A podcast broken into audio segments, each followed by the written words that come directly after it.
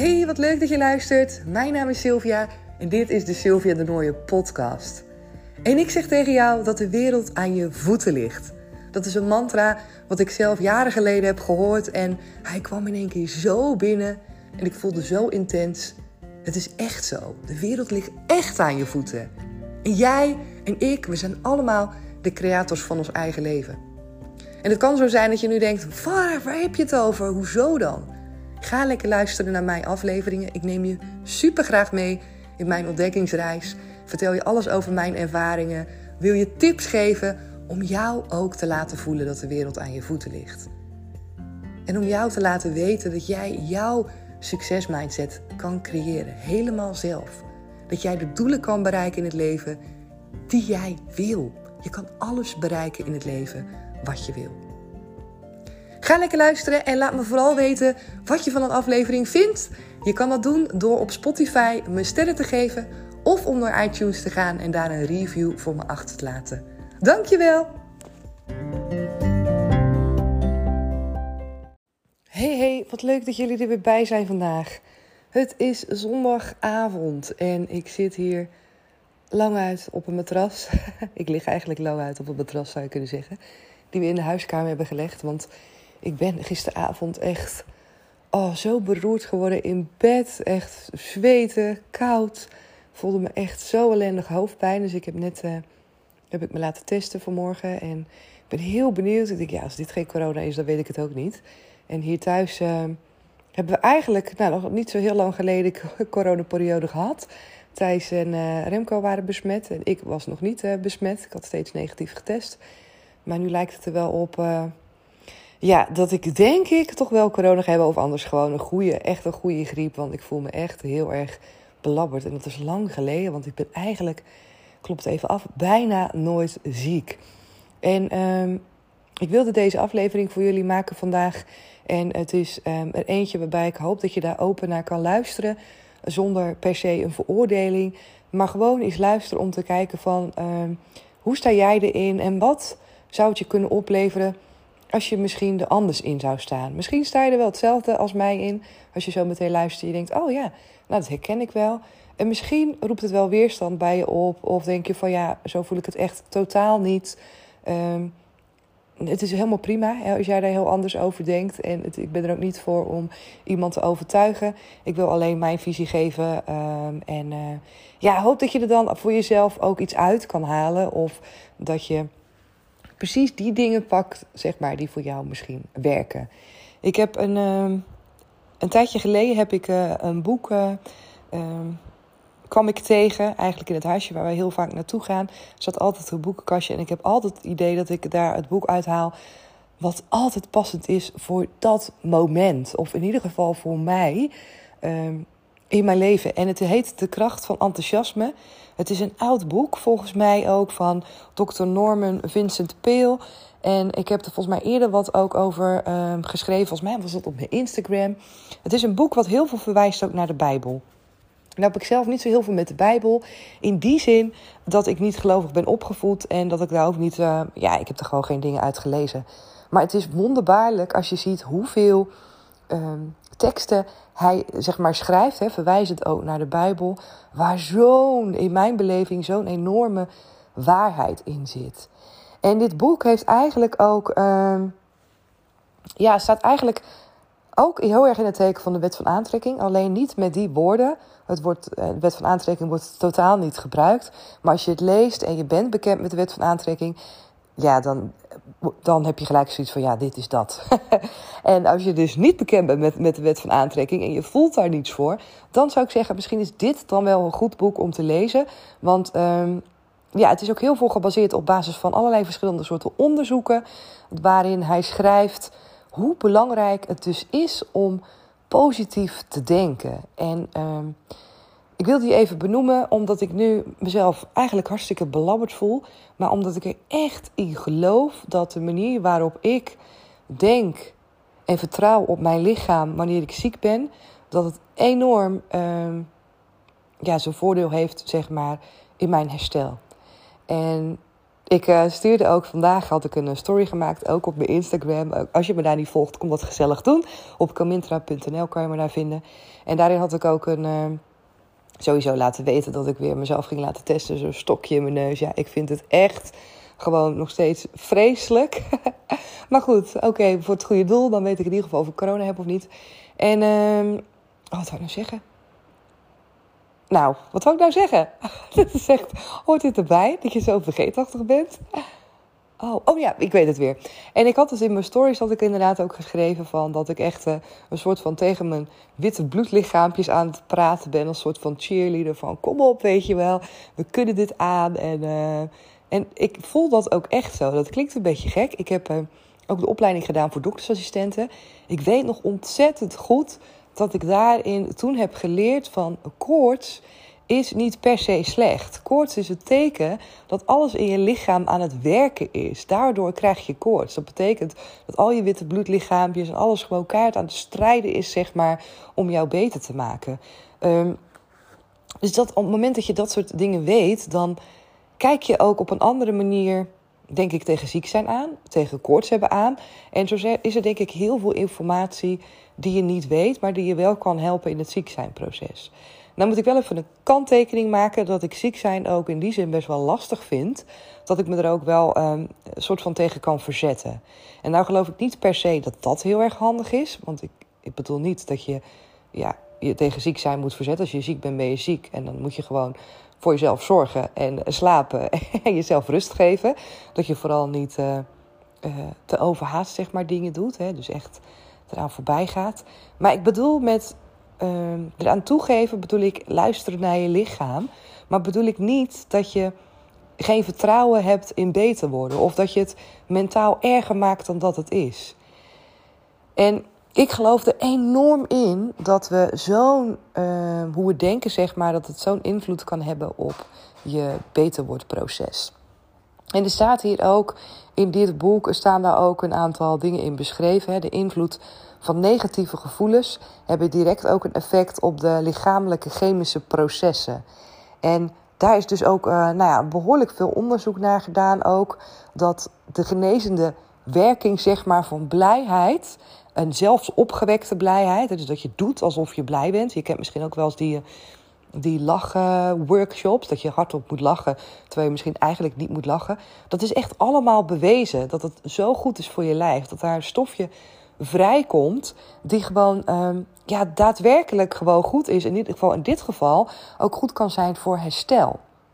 En hij verwijst dan ook naar een stukje in de Bijbel waar staat dan: een vrolijk hart bevordert de genezing, maar een verslagen geest doet de gebeente verdorren.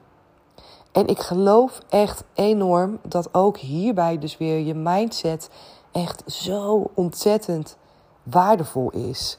Um, er staat hier ook gegeven, waar ik ook enorm in geloof en misschien helpt het jou ook. Van uh, ja, negatieve gedachten hebben negatieve gevolgen. Nou, geloof ik ook. Terwijl positieve gedachten tot positieve gevolgen leiden. De mens is een mentaal en spiritueel wezen dat in een fysiek lichaam leeft. En dat betekent voor mij, wetende dus dat we mentaal en spiritueel wezens zijn, dat het ook goed is om dat beide te gebruiken. Om beide ook te gebruiken in je leven. En je eraan te herinneren dat je dus inderdaad mentaal en spiritueel bent. En ik ben daar zelf ook hele lange tijd aan voorbij gegaan. Ook aan het stukje spirituele. Maar ook, nou ja, helemaal een aantal jaren geleden had ik helemaal niet door dat mentaal, dat je daar zoveel uit kon halen. Dat dat zo ja, belangrijk was. Ze hebben ook onderzoek gedaan naar, uh, naar uh, mensen die kanker hebben en de bestrijding van kanker. En daar hebben ze bijvoorbeeld ook uh, onderzoek gedaan bij patiënten die dus ehm, bepaalde inbeelding hadden in hun gedachten. De overtuiging dat kankercellen dus geen indringers zijn waar niets tegen te doen is, maar dat ze overwonnen kunnen worden. dus dat zijn mensen die zich mentaal ja, zo hebben ingebeeld, gevisualiseerd, dat het geen, nou, wat, wat er staat, dat het geen indringers zijn, dat je ze kan overwinnen, dat je lichaam dat aan kan. En dat het dus ook bewezen is dat het wel degelijk verschil maakt met mensen die daar dus als een soort van verslagen in, staan. Die denken van ja, ik, ik kan er niks aan doen. Hè. Die kankercellen die woekeren door heel mijn lichaam heen en ik heb daar geen controle op. Het enige wat misschien kan is zo chemo bijvoorbeeld of bestraling. Of... Maar verder ehm, ja, heb ik geen idee en moet ik me aan het uh, lot overlaten. Het, die mentale staat is enorm verschillend natuurlijk. En het gevoel van, van hoop en het idee dat je, um, dat je er goed uit kan komen is ja, een wereld van verschil. En ik snap dat ik een enorm grote sprong maak nu van corona naar een ernstige ziekte als kanker. En mijn moeder is ook aan kanker overleden. Dus um, ik wil absoluut mensen niet kwetsen. Hè, die, uh, als je zelf ziek bent of iemand in je omgeving hebt met een ernstige ziekte. Maar ik vind het ook belangrijk dat, dat we er wel over mogen praten. En soms lijkt het ook zo'n taboe te zijn, eh, taboe te zijn op dit soort dingen, omdat je mensen alleen maar niet wil kwetsen. Maar het gaat ook niet om het kwetsen. En nogmaals, hè, ik heb zelf een heel lang proces ook. Uh, meegemaakt met mijn moeder, die ook heel erg ziek is geweest. Die stond ook altijd heel erg positief erin en echt ook nou ja, bijna nooit ziek geweest. Ik weet zeker dat haar mentale uh, gezondheid, haar manier hoe ze erin stond, dat dat ontzettend heeft geholpen. Zij heeft namelijk echt jarenlang uh, nog kunnen leven, terwijl dat niet de voorspelling was. En dat zijn dingen die ik ook wil meegeven aan jou.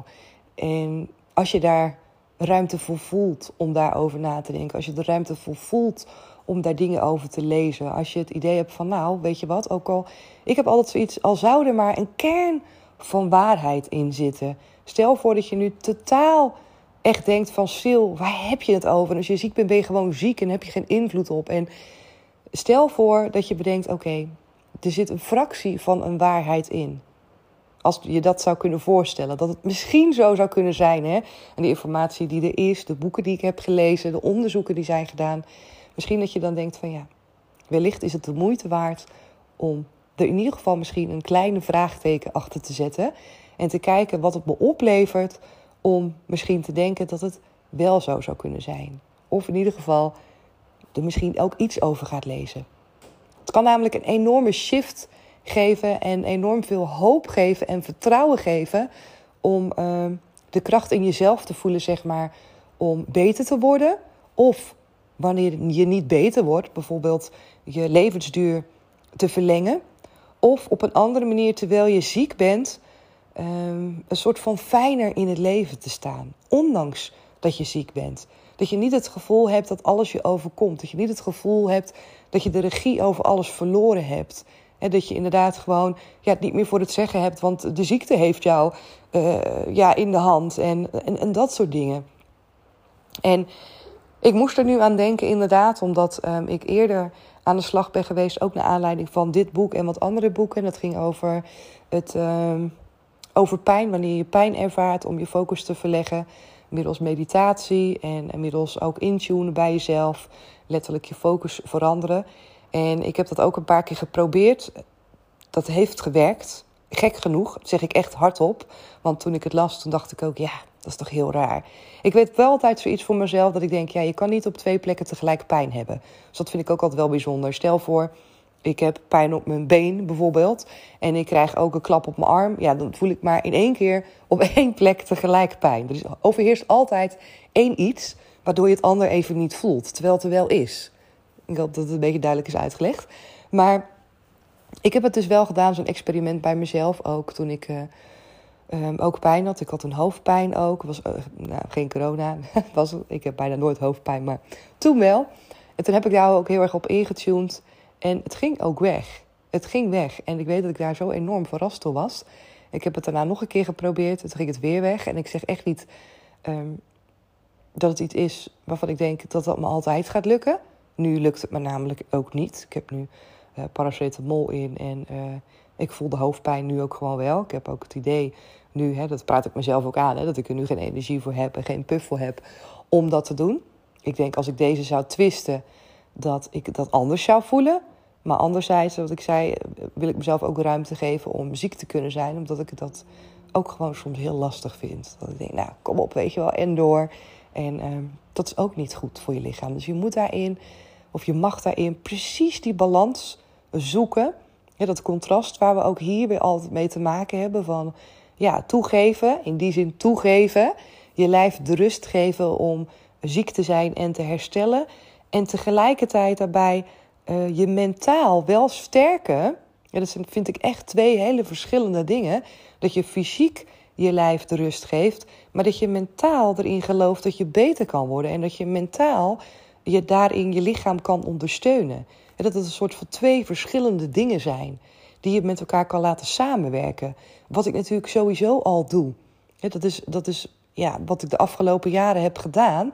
En waardoor ik ook merk dat veel dingen veel beter op elkaar aansluiten. Waardoor ik veel beter bereik wat ik wil bereiken. Maar ook dat ik er veel beter achter kom. Waardoor bepaalde dingen me niet zijn gelukt in het verleden. Wat daar in de weg staat. En dan is die mindset komt elke keer weer terug als zo'n belangrijke ja, samenwerkingspartner, zou je kunnen zeggen, van je fysieke lijf. En um, dat, ja, dat, dat vind ik echt zo'n mooi gegeven, zo waardevol. En nogmaals, ja, ik geloof er echt enorm in dat je mentaal um, heel veel kan betekenen in een ziekteproces um, op verschillende vlakken. Dus inderdaad, hoe je het ervaart, hoe lang je ziek bent, of je misschien in mindere mate ziek kan worden, of uh, het invloed heeft op het herstel positief. Ik geloof echt dat dat kan. En het boek heet dus inderdaad De kracht van enthousiasme. En het is echt een aanrader om te lezen. Ik denk dat er nog veel meer van dit soort boeken zijn. dat weet ik wel zeker. En onderzoeken zijn er natuurlijk ook heel veel gedaan. Dus um, ik wilde deze heel graag met je delen. Omdat het gewoon weer jou ook misschien kan verruimen van kijk op jezelf. Kijk op jouw mogelijkheden. En wanneer we het weer hebben over dat persoonlijk leiderschap. Ook hierin weer kijken van waarin kan ik zelf invloed uitoefenen. En ik denk het belangrijke thema inderdaad, wat hier ook in het boek staat. Hè, ehm, die twee delen van ons. De twee delen van ons, het lichaam en het mentale, het spirituele. Hoe je die zo met elkaar kan verbinden. En dat we dat wat mij betreft nog meer mogen gaan doen. En ik wil daar zelf ook nog veel meer over leren. Want ehm, ja, ik, ik heb het idee dat ik ook maar net aan het begin staat van heel veel dingen. Als ik dan dit soort boeken lees, dan is het een soort van dat ik word bevestigd in de dingen die ik eigenlijk wel al dacht. Wel al wat dingetjes over had gehoord, maar wat nu meer wordt, waar ik nu meer dingen over tegenkom en over lees en over hoor en van andere mensen. Dat ik denk, ja, weet je, dit is, dit is hoe ik het ook voel. En dit is niet alleen hoe ik het voel, maar ook wat helemaal aansluit bij waar ik in geloof, waar ik in wil geloven. Het is ook een keus. Hè. Geloof is natuurlijk ook altijd een keus. En dat is ook niet erg. Je kan altijd kiezen voor iets waarbij je goed voelt. Want waarom zou je kiezen voor iets waarbij je je slecht voelt? Als je ook kan kiezen voor iets waarbij je goed voelt. Vraag jezelf dat soms ook eens af. Ik was vroeger, als we het dan toch over de Bijbel hebben, dacht ik altijd: er is helemaal niets. Er is helemaal niets. Als je doodgaat, is er helemaal niets. En uiteindelijk ben ik daarin veranderd, omdat ik heel erg in energie ook ben gaan geloven. En vroeg ik mezelf ook af: van ja, weet je, helpt deze gedachte me nou echt? Word ik hier nou echt een blije mens van? En zo niet, waarom zou ik het dan niet een beetje veranderen in iets waar ik wel in kan geloven? Nou, dat is in mijn geval dus energie geworden. En ik geloof ook in verschillende tijdslijnen hè, waar we in kunnen leven. En um, ja, dat is eigenlijk ook steeds meer een beetje eh, is dat gaan uitgroeien. En dat is ook eigenlijk mijn grootste boodschap aan jou, denk ik, in deze aflevering. Um, bedenk eens voor jezelf waar jij in gelooft en of dat je helpt. En geloof is ook weer iets wat je vaak tegen jezelf zegt, hè? wat je op een gegeven moment bent gaan geloven. En wat niet per se de waarheid is. Het hoeft ook niet. Je kan best iets voor jezelf creëren wat jou helpt. Wat jou helpt in dit geval bijvoorbeeld om beter te, voelen, te worden. Of om jezelf krachtiger te voelen tijdens een ziekteproces. Of om jezelf positiever te voelen, meer vertrouwen te hebben. En uiteindelijk geloof ik echt ook uh, dat het resultaten heeft voor, uh, voor je stel. Dus ja, ik ga hem ook afsluiten nu. Ik uh, ben ontzettend benieuwd hoe jij hierover nadenkt. Wat jouw visie hierop is. Misschien heb je nog wel mooie aanvullende dingen ook hierop. Misschien denk je wel, nou Sil, mij ben je helemaal kwijt. Want ik geloof echt niet dat, dat dit kan. Dat kan ook. Maar misschien wil je dan nadenken over de vraag inderdaad. Stel je voor dat er maar een hele mini, mini minimale kans is dat het wel waar zou kunnen zijn.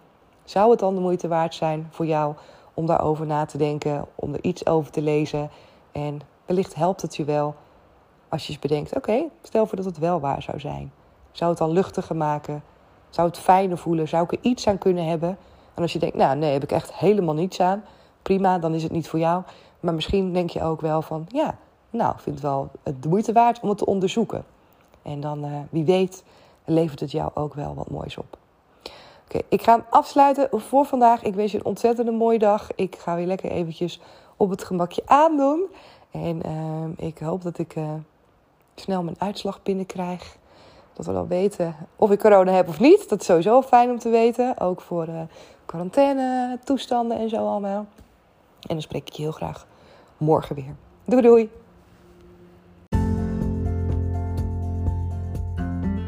Superleuk dat je weer hebt geluisterd naar deze aflevering. En natuurlijk hoop ik dat je er weer dingen voor jezelf uit hebt kunnen halen.